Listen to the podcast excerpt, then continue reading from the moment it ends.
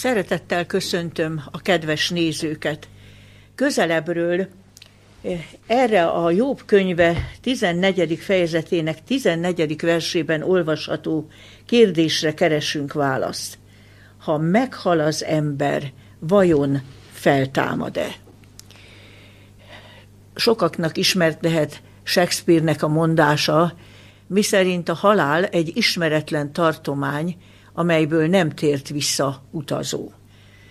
Megjegyzem, hogy a klinikai halálból visszahozottaknak a sajátos eh, élményei nem száfolják eh, Shakespeare-nek a mondását, mert a tényleges halálból, az agyhalál utáni állapotból valóban soha senki nem tért vissza.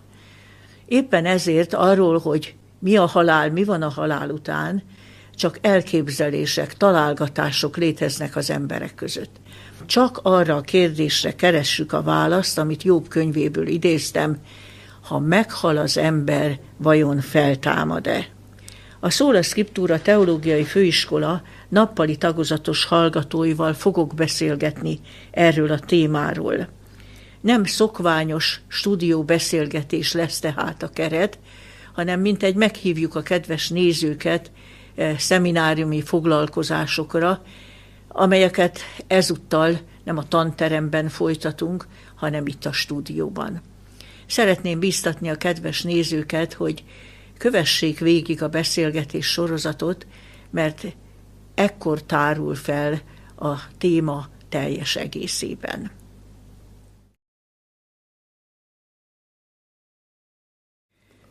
Szeretettel köszöntöm a kedves nézőket.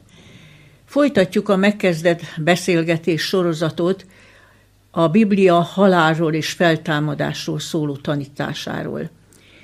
Ezúttal is a Szóla Scriptura Teológiai Főiskola nappali tagozatos diákjaival beszélgetünk erről a kérdésről. Az előző szakaszban az Ószövetség tanítását ismertük meg, a halál miben létéről, a halottak állapotáról. Most áttérünk az új szövetségre. És először kiemelten Jézus tanításait szeretnénk közelebbről megismerni, azokról beszélgetünk. Milyen kijelentéseket tett Jézus a halál miben létéről, a halottak állapotáról. Természetesen mindig felvillan már a reménység itt is, de majd külön szeretnénk szólni, hogy mit tanít a Biblia a feltámadásról. Itt elsősorban arra összpontosítjuk a figyelmünket, hogy magáról a halálról mit mondott Jézus. És talán induljunk ki a gondolatmenetünk kezdetén abból, hogy Jézus milyen különleges kijelentéseket tett János evangélium 5. fejezetében, amelyekkel érzékeltette, hogy mi emberek mindannyian a halál ítélete alatt vagyunk, de mégis van egy lehetőség a kimenekedésre. Talán idézzük ezeket az igéket János evangéliuma 5. fejezetéből. Um, 24. és a 40. versekben, versek között ilyen um, kijelentéseket tett Jézus. Bizony-bizony mondom nektek, hogy aki az én beszédemet hallja és hisz annak, aki engem elbocsátott, örök élete van, nem megy akárhozatra, hanem átment a halálból az életre. Bizony-bizony mondom nektek, hogy eljön az idő, és az most van, amikor a halottak hallják az Isten fiának szavát, és akik hallják, élnek. És ti nem akartok hozzám jönni, hogy életetek legyen. Igen, köszönöm a, az igének a felidézését, és most nézzük meg, hogy ezek a kijelentések hogyan szólnak arról, hogy mindannyian a halálítélete alatt vagyunk. Melyik kifejezések utalnak erre? Hát ami a leg kézenfekvőbb, mondhatnám így is, hogy amikor a halottak hallják Isten fiának szavát. Itt ugye, ahogy az előző előadásban is már beszéltünk e-, ez, erről, nem arra kell gondolni, hogy a már meghalt emberek valamiféle tudatállapotban lennének, és ők hallhatnák Istennek a szavát, hanem itt az élő embereknek a, a, a az élő emberekről van szó, akik a halálnak a zsoldja alatt vannak mondhatni, tehát a halál terhe alatt élik a mindennapi életüket itt a Földön. És ez, ez, ez nagyon, nagyon jó, hogy ezt emeltet ki, mert korábban volt szó Jézusnak egy másik kijelentéséről, amikor így fogalmazott, hogy halottak temetik a halottaikat. Tehát, mintha azt mondaná, csak fázis különbség van a koporsókban fekvő halott és az élők között, mert mindannyian a halál ítélete alatt vagyunk. Tehát valójában halál ítélete alatt levők vagyunk minnyáján. És még egy módon utal ez az ige arra, hogy mindenki a halál ítélete alatt van, még a reménység megfogalmazásánál is ott van, mert ugye amikor azt mondja, hogy, hogy aki hallja az én beszédemet és hisz annak, aki engem elbocsátott, nem megy a kárhozatra, hanem átment a halálból az életre. Ezek szerint jelenleg most még mindannyian a, a halál hatalmában vagyunk, és innét van lehetőség átmenni az életre, ahogyan, ahogyan Jézus fogalmazott. Igen, és az is konkretizálja, hogy most az élő emberekről beszél, amikor mm. mégiscsak halottnak mondja őket, hogy eljön az idő, és az most van. Tehát itt elég konkrétan beszél, hogy, hogy most, ebben a pillanatban, és amikor, amikor ugye ő ott mondta ezt a, az igét, akkor is ugye a halottak úgymond hallják az Istennek a szavát. Tehát nem mondhatni, hogy konkrétan beszélt a jelenlévőkről, mint halottakról. Igen, nagyon, nagyon egyértelmű, és nagyon jó, hogy ezt említetted. És a vége egy ugye fájdalmas megszólalás volt Jézus részéről, és ti nem akartok hozzám jönni, hogy életetek legyen. Ugye látta a makacs elutasítást hallgatóinak az arcán többeknél, és ezben az is benne van, hogy amit most élünk, az nem igazi élet. Nem csak azért, mert a halál törvénye alatt vagyunk, hanem a, a bűnnel fertőzött földön ez a küszködős élet, ez nem az igazi élet. Jézus máskor is fogalmazott így, hogy ő azért jött, hogy nekünk életünk legyen, mert amit most élünk, az nem, nem igazi élet. Tehát ezzel indítjuk a beszélgetést Jézus tanításáról, hogy az egész Ószövetséggel megegyezően mindannyiunkat potenciális halottaknak mondott Jézus, és felkínálta azt a lehetőséget, hogy átmenni a halálból az életre.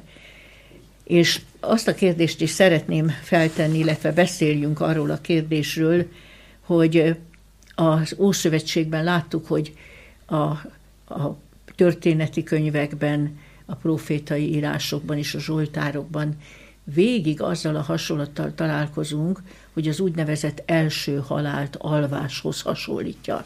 Egyébként még arra is érdemes egy pillanatra visszatérni, hogy Jézus is érzékeltette, hogy két halál létezik, mert erről már volt szó, hogy ez sincs benne a keresztény köztudatban, hogy a Biblia két halálról beszél, de amikor az idéz, János Evangélium a 5. fejezetéből idézett igében azt olvassuk, hogy örök élete van, és nem megy a kárhozatra, akkor kárhozat tulajdonképpen a második halál. Jézus hol kárhozatnak nevezte, eh, hol másképpen, de egyértelműen azzal a második halálra utalt. És amikor azt mondja, hogy átmegy a halálból az életre, akkor sem arra utal, hogy az első halált nem izleli meg, az, aki hallja az ő beszédét és hisz annak, hanem ami az igazi halál, a második halál, a kárhozat, a, azt elkerülheti. Ott már az örök élet örököseként kerülhet a végítéletben az Isten ítélőszéke elé.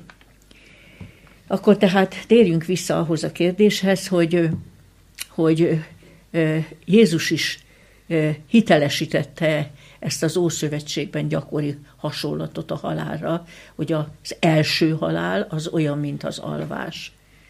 Mindenképpen ugye az evangéliumokban több helyen is olvashatunk ez hasonló példát, például Máté evangélium a 9. fejezetének 23-24. versében Jézus a főember házához érkezve látta a sípolókat és a tolongó sokaságot. Mondta nekik, menjetek el innét, mert a leány nem halt meg, csak alszik, és kinevették őt.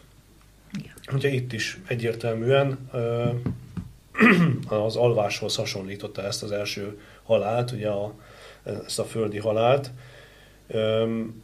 Ugye csak érdekesképp, érdekességképpen érdemes megemlíteni ennél a, az esetnél, hogy ezt a későbbiekben, ezt a mondatát Jézusnak a farizeusok ellene is fordították úgy, hogy azt, azt állították, hogy a, a későbbiekben, hogy mivel közvetlen a halála után támasztotta fel a lányt, hogy, hogy a lány valójában nem is halt meg, csak nagyon beteg volt és kész. Tehát, hogy, hogy itt nem történt feltámasztás. De valójában ugye történt, csak ugye próbálták ugye Jézusnak az érdemeit kisebbíteni. Igen, mert érdemes egy annyiban föleleveníteni a szöveg összefüggést, hogy, hogy a Jairus nevű zsinagóga fő kérte őt, hogy a halálán lévő leányához menjen, és ahogy Jézus elindult a házához, jött az üzenet, hogy már ne fárassza a mestert, mert a kislány meghalt. És Jézus ennek tudatában ment a házhoz, hogy már hírnökök jöttek, hogy a kislány meghalt. De mi ugye azért utal itt ilyen sipolókra, meg, mert a zsidóknál abban a korban az nagyon szokásos volt egy ilyen széleskörű siratás, és hát Jézus bántotta ez az egész ilyen látványos, meg vásári siratás ott a, a, a ház körül, és leállította őket, és azt mondta, hogy a kislány nem halt meg, csak alszik. Pedig ő tudta, hogy már jött az apának a hír, hogy meghalt de ahogy mondtad, Jézussal szemben olyan mély ellenségeskedés volt, hogy könnyen ellene fordították a saját szavait, hogy ő maga mondta, hogy nem halt meg, csak alszik, tehát akkor itt nem is tett Jézus csodát, nem is valódi feltámasztás történt. De viszont e, említsünk egy másik esetet is, ahol már nem lehetett sehogyan se kimagyarázni a dolgot. Hát János Evangélium a 11. fejezetében a 11.-15. vers így hangzik. Jézus mondta nekik, Lázár, ami barátunk, elaludt, de elmegyek, hogy felkeltsem őt. Mondták azért a tanítványai, Uram, ha elaludt, meggyógyul. Pedig Jézus annak haláláról beszélt, de ők azt hitték, hogy álomnak alvásáról szól. Jézus ekkor nyíltan mondta nekik, Lázár meghalt és itt ugye már kimondja, és a tanítványok is itt először félreértették őt, hogy azt gondolták, hogy csak alszik, és, és hogy akkor majd meggyógyul. Igen, itt azért hozzá kell tenni a történethez, hogyha elolvassuk János Evangélium a 11. fejezetét, akkor kiderül a szövegből, hogy itt mire Lázárhoz ért Jézus, addigra már négy napja halott volt. Tehát azt nem lehetett úgy, bocsánat a kifejezésért, de kimagyarázni, mint még a, a, a kislány feltámasztásánál, hogy közvetlen a halál után támasztotta fel, és akkor nem is halt meg. Hát Lázárról már eléggé tudta mindenki, hogy meghalt, mert már négy, négy napja ugye halott volt. Nem is akarták beengedni Jézust, amikor mondta, hogy hogy mozdítsátok el a, a követ, tehát hogy, mert ugye mondták, hogy hát már négy napos, már, már, már szaglik, már, tehát hogy már nem szabad ilyenkor uh, bemenni hozzá. És akkor még fűzzük azért tovább ezt a történetet, mert ezt is érdemes megemlíteni, hogy a tanítványok, Jézus tanítványai jól ismerték az Ószövetséget, de úgy látszik mégse rögzült eléggé ez az alvás hasonlata a gondolataikban, mert ugye Jézus megkapta az üzenetet, még amikor Lázár él, tehát még négy nappal előbb, ugye, megkapta az üzenetet, hogy ez a család, akik szívesen vendégül látták őt sokszor, ott a Lázár meghalt. Úgy is ment az üzenet, hogy Uram, akit szeretsz, beteg. És a tanítványok meg is ütközhettek rajta, hogy Jézus ezúttal nem sietett oda menni és, és Lázárt meggyógyítani. És a, a tanítványok aztán elfeledkeztek már Lázárról, ahogy telt múlt az idő, zajlott a, az élet Jézus körül, Egyszer csak azonban meglepetésükre Jézus megszólalt, és azt mondta, hogy Lázár, ami barátunk elaludt, de én elmegyek, hogy felköltsem őt. És a tanítványok azt gondolták, hogy a súlyos beteg valahogy mélyen elaludt, és ezt, ez egy ilyen népi mondás, hogyha valaki a súlyos betegségben szenvedő egyszer csak mélyen elalszik, akkor áttesik ezzel a krízisen. És a tanítványok is erre gondoltak, azért mondták, uram, ha elaludt, akkor meggyógyul. És akkor ugye így olvastuk, hogy, hogy ekkor pedig Jézus nyíltan mondta, hogy Lázár meghalt. Tehát félreérthetetlen, hogy az alvás hasonlatát a halálra alkalmazta.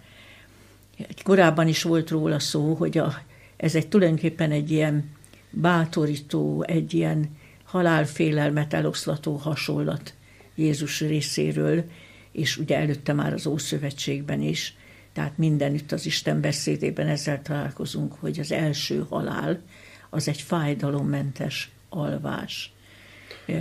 Igen, Luther Mártonnak van is egy ilyen idézet, amit most szeretnék felolvasni. Nem hasonló a halál az éjszakai alváshoz, mert amint az alvástól elmúlik a gyengeség, és az élet lelke visszatér, úgy, hogy az ember reggel friss jókedvel kell fel, így fogunk mi is az utolsó ítéletkor feltámadni, mintha csupán egy éjszakát aludtunk volna, frissek és erősek leszünk. Igen. Ez, én is nagyon kedvelem ezt az idézetét Luther Mártonnak, különösen ezt a végét, hogy a feltámadáskor frissek és erősek leszünk.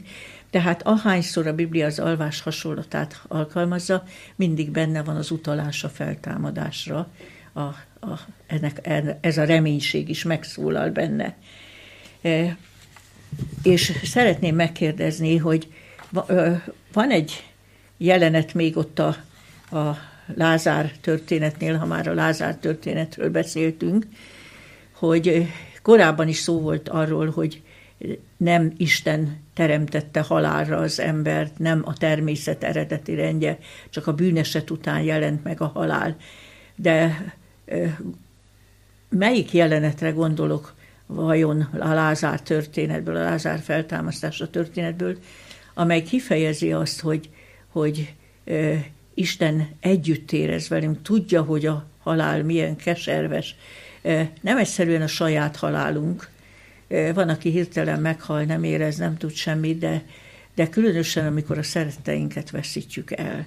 Hogyan jelenik meg ez a Lázár történetben? Hát ez a János Evangélium a 11. fejezetében található, 33-tól 38. vers.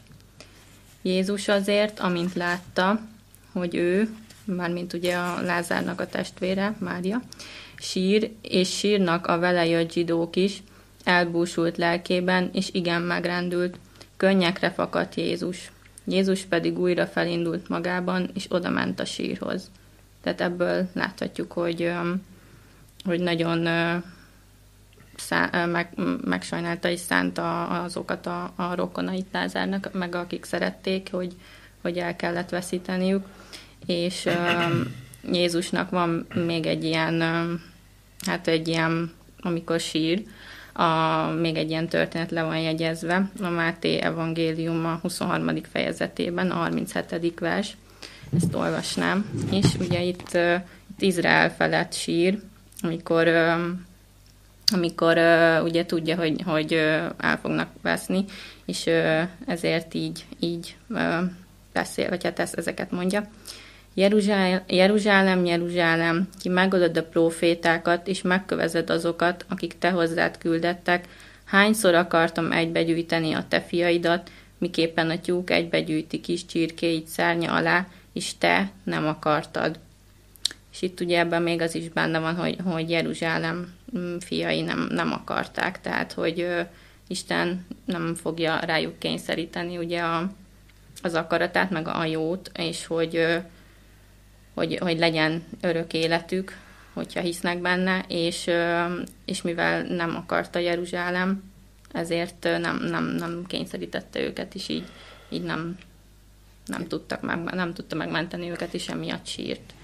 Igen, itt azért fontos visszaemlékezni itt az előbb, ugye a János evangéliumában a 11. fejezetnek az elejére, amit az előbb olvastunk, hogy Jézus eleve úgy ment oda, eleve azt mondta a tanítványoknak, hogy Lázár elaludt, de én elmegyek, hogy fölkeltsem. Tehát pontosan tudta, hogy ugye Lázár meghalt, és ő azzal a céllal érkezett, hogy feltámaszta. Tehát ugye első olvasatra ugye ez a 33. versben lévő idézet, ez azt arra gondolnánk, hogy azért sírt, mert Lázár meghalt, de nem, hát azért ment oda, hogy feltámassza. Itt valójában a családtagok, a, a, a, az együttérzés miatt, a családtagok fájdalma miatt, az ott lévők fájdalma miatt ugye sírt Jézus, mert ő, ő, ő együtt érez ugye a, a teremtményeivel, és hát ennél a résznél ugye nekem a, mondhatni a Biblia alaptétele jut eszembe, hogy a János Evangélium a harmadik fejezet 16. verse, kimondja, hogy úgy szerette Isten a világot, hogy az ő egyszülött fiát adta, hogy aki hisző benne el ne veszen, hanem örök élete legyen. Tehát, hogy ha ő annyira szereti az embert, és annyira nem akarja ezt, a, hogy megélje ezt a kínt, hogy, hogy, hogy meg tudta hozni érte a legnagyobb áldozatot is, ami nem más, mint a, a saját fiának a, a, az áld, föláldozása. Igen. Tehát ugye nagyon egyértelmű, mert a szöveg mondja is, hogy miért sírt Jézus, mert ugye olvassuk ott az evangéliumokban, a szöveg környezetben, hogy egyesek eh, mindjárt eh, ilyen érzelmesnek fogták fel a Jézus sírását, és azt mondták, lám, mennyire szerette őt. De hát ahogy mondtad, hát az világos, hogy nem Lázárt síratta. Mások meg rossz májúan megjegyezték, hogy nem megtehette volna ez, aki a vak szemét is megnyitotta, hogy Lázár ne halljon meg és semmit nem értettek abból, hogy mi volt Jézus sírása mögött. De úgy olvastuk a Bibliában, amikor látta, hogy Mária sír, és sírnak ott a többiek is a sír között. Tehát, ahogy mondtátok is, az félreérthetetlen, hogy az emberi szenvedés rendítette meg. Olyan érdekes, hogy a Bibliában összesen kétszer olvasunk arról, hogy Jézus sírt. Az egyik ez az eset volt, a másik, amit te felidéztél, hogy amikor Jeruzsálem felett sírt. Azért sírt, mert ő szerette volna megmenteni, de tudta, hogy sokakat nem tud megmenteni, mert nem akarnak hozzá menni. És úgy olvassuk az új szövetségben, hogy Jézus Krisztus tegnap és ma is mindörökké ugyanaz. Tehát ma is emberek sokszor zúgolódnak, hát Isten hol volt, miért nem lépett közbe, vagy miért nem tette ezt vagy azt, és azt hiszik, hogy Istennek az olyan közömbös, hogy emberek meghalnak, meg emberek szenvednek.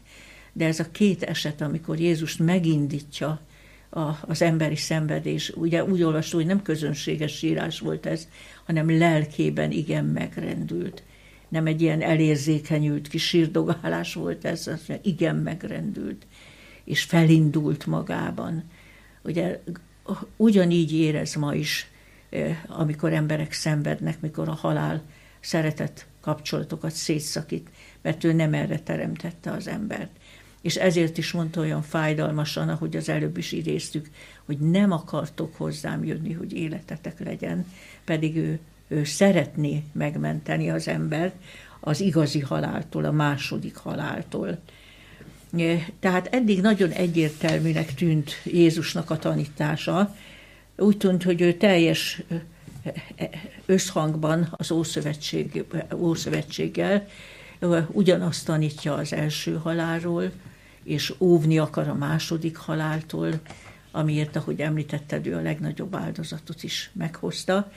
De mégis vannak Jézusnak olyan kijelentései, amelyek legalábbis a mi Biblia fordításunkban, ugye még mindig a leggyakrabban használt magyar Biblia fordítás, a Károli fordítás az 1908-as revízió szerint, és itt van, vannak olyan igék, amelyek mintha teljesen más mondanának, mint amit eddig felidéztünk Jézus tanításairól. Nézzük ezeket az igéket, melyek ezek az igék, amelyek a, a Biblia fordításunkban úgy hangzanak, mintha Jézus alátámasztaná a a görög gondolkodásból ismert testlélek dualizmust, és azt, hogy a, a halálban a természettől fogva halhatatlan lélek külön válik. Hát ha már ugye Lázár feltámasztásáról beszéltünk eddig, ott ennél a történetnél ott van egy ilyen igevers, mi így hangzik a 25. és a 26. vers, hogy én vagyok a feltámadás és az élet, aki hisz én bennem, ha meghal is él, és aki csak él és hisz én bennem, soha meg nem hal. Hát ezt valaki egy közönséges halandó kézbe veszi, akkor csak azt mondja, ha meghal is, tovább él tudatos életet, és hát soha se hal meg igazán, ugye? bocsánat, de azt mondom, mint hogyha Jézus szava visszhangozná azt, amit a kígyó mondott, vagyis az ős ellenség a, az embernek a bűnbeeséskor bizony nem haltok meg. Hát azt mondja, soha meg nem hal. Mint a halál nem léteznék, tényleges halál nem is lenne, hanem csak annyi lenne az első halál, hogy az ember átmegy egy másfajta, magasabb rendű létformában, a halhatatlan lélek külön válik és tovább él. Hát eh, ezt a főiskolán is szóba jött, tanultátok már, legalábbis legkésőbb negyedik évfolyamban mindig előjön, hogy az eredeti görög szöveg más. És én annyira szomorú vagyok amiatt, hogy a, az új protestáns fordítás a, a, az sem javítja ki. És különböző Károli revíziók sem javítják ki. Pedig ez nagyon egyértelmű, hogy a görög szöveg mit mond, de azért megvigasztalt, hol bukkantam rá, hogy pontos a fordítása ennek a versnek, az 1973-as új katolikus fordítás. Az hajszál pontosan adja vissza a görög szöveget, és olvassuk is fel, hogy, hogy az eredeti görög szöveg szerint hogy hangzik az, amit Jézus Lázár sírjánál mondott. Én Pont, vagy... Bocsánat, csak közbevágok, mert nem a sírnál mondta, hanem még előbb a Mártának, a meghalt testvérének tette ezt a kijelentést, mielőtt a sírhoz ment volna. És akkor olvassuk. Én vagyok a feltámadás és az élet, aki hisz én bennem, ha meghal is, élni fog, és aki él, és aki csak él, és hisz én bennem, nem hal meg örökre. Teljesen másképp hangzik? Abszolút. Ugye? Abszolút, igen. És a, a görög szövegben futúrum van.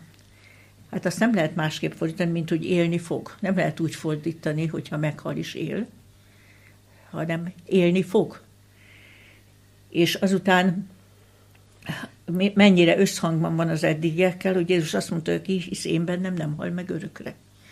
Ugye, mert nem azt ígérte a benne bízóknak, hogy az első halál nem érinti őket, csak azt, hogy már átment a halálból az életbe, már az örök életnek a várományosa.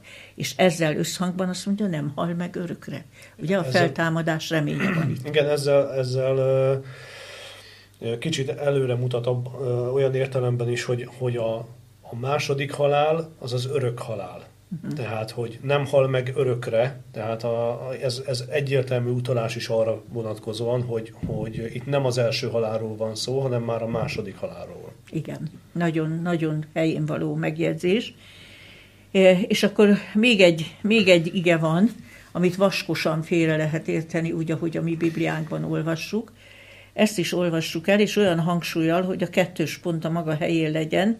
Ugye ez a, egy nevezetes ige szakasz, Lukács evangélium a 23. fejezetéből, amit, hogy mit mondott Jézus a vele megfeszített egyik bűnözőnek. Idézzük csak fel, hogy hogy szerepel jelenleg most a 908-as revízió szerinti Károli fordításban. Mondta Jézusnak, Uram, emlékezzél meg én rólam, amikor eljössz a te országodban. Mondta neki Jézus, bizony mondom neked, ma velem leszel a paradicsomban. És akkor eh, talán erről is tanultatok már, hogy a, így van az eredeti szövegben is.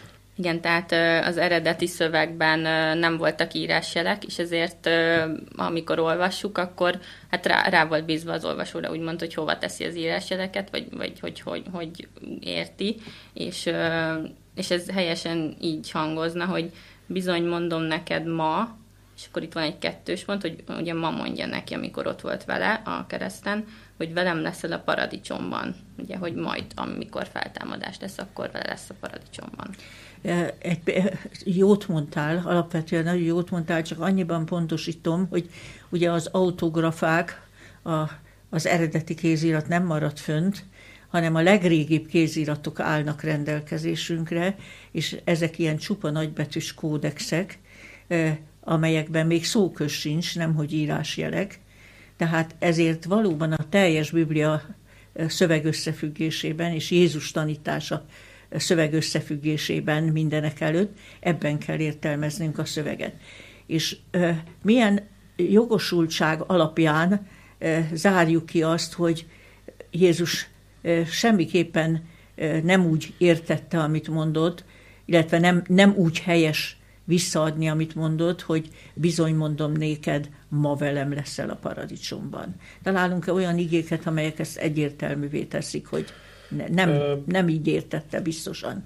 Igen, az evangéliumokban azért találunk olyan igét, amikor Jézus maga mondta, hogy, hogy ő harmadnapig a föld gyomrában lesz, ugye a, a halála után, tehát nem lehetett a paradicsomban aznap ugye a latorra, ebből egyenesen következik, és később a feltámadáskor is, amikor megjelenik a tanítványoknak, akkor mondja a tanítványoknak, hogy ne illessetek, mert én még nem jártam fönt az atyámnál. Tehát nem lehetett fönt ugye a paradicsomban ebből adódóan, ő maga jelenti ki. Tehát nem lehet a az 1908-as revíziós értelemben értelmezni ezt a szöveget. Igen, pontosan idézted azt a két igét, amely kizárja azt, hogy úgy lehetne érteni, hogy ma velem leszel a paradicsomban, csak talán annyit tennék hozzá, hogy egyrészt kevesen ismerik ezt az igét tapasztalatom szerint, amit te idéztél, hogy ő harmadnapig a földgyomrában lesz. Ez Máté evangélium a 12. fejezetében a 40. vers. A másik pedig, amire hivatkoztál, azt a feltámadás hajnalán Mária Magdalénának mondta Jézus, hogy, hogy ne illess engem, mert még nem mentem fel az én atyámhoz. Tehát a feltámadás reggelén, az már harmadnap, tehát Jézus azt mondja, hogy mindig nem volt az ő atyánál, nem volt a paradicsomban, ha úgy tetszik, e, tehát a mennyei világban. E, és akkor még azért mindig ott marad egy kérdés, hogy hát miért tette, tette Jézus ilyen nyomatékkal ezt a kijelentést, hogy bizony, mondom néked ma. Mi a funkciója a ma szónak ebben a kijelentésben? Hát, hogy a Lator szempontjából ez nagyon mm, nagyon fontos volt, mert hogy ő neki az élete olyan volt, ami alapján nem kerülhetett volna az örök életbe, és hogy aznap mondta neki Jézus, ez, ezben az benne van, hogy hogy ott el, mm, elismert, elfog, hát, tehát, hogy elismerte igaznak, hogy, hogy akkor ma mondja neki, hogy, hogy örök élete lesz, mert hogy megmente a bűneit, és ott mellette a kereszten ezt még kérte neki. Majdnem kimondtad, de még mindig nem a szögfeje. még a szögfejét keressük, hogy mi mi volt ott a szerepe ennek a masszónak? Tényleg a Latornak sokat jelentett, ugye, mert ő a halál közeli állapotban van, és hát Jézus ilyen ünnep, fölfoghatnánk úgy, hogy ilyen ünnepélyes ígéret, hogy bizony mondom néked, ma velem leszel, de valami még ennél több funkciója van a masszónak.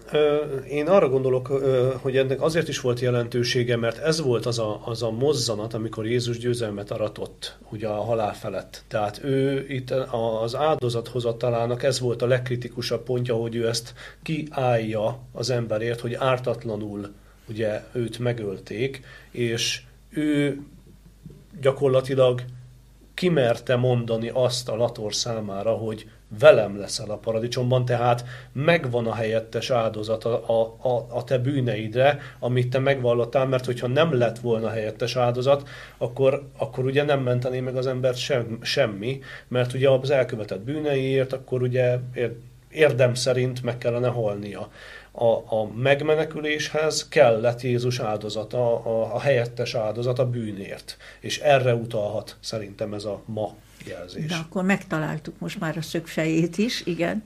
E, tehát azt mondhatjuk, hogy ugye nem tudjuk, mit csinált ez a bűnöző, akit Jézussal együtt feszítettek keresztre, de ő maga ismert el, azt mondta, hogy mi méltán, ami cselekedetünk méltó gyümölcsét kapjuk a keresztre feszítéssel. És Jézus szavának az volt a súlya, hogy ma, amikor én ártatlanul olyan büntetést szenvedek el, ami akár a legbűnösebb ember büntetésének is megfelel, e, ma, amikor ezt a helyettes áldozat valóságá válik, eddig, eddig csak ígéret szintjén kötelezte el magát Krisztus erre, e, ugye a messiási jövendőlésekben, az Ószövetségben adott kijelentésekben, de most ez valóságá lett. Mintha Jézus azt mondta volna ma, mikor ezt a helyettes áldozatot véghez viszem, ma nekem jogom van, ma bizonyosan mondhatom neked, hogy velem leszel a paradicsomban. Tehát akkor azt hiszem egyértelmű, hogy Jézus nem cáfolta meg önmagát, más kijelentéseit, sem a Lázár sírjánál, sem amikor a Latorhoz ezt a szót intézte a kereszten, hanem az eredeti görög szöveg szerint, ha azt figyelembe vesszük, teljes összhangban van Jézus minden kijelentése, amit a halálról és a halállal szembeni reménységről tett.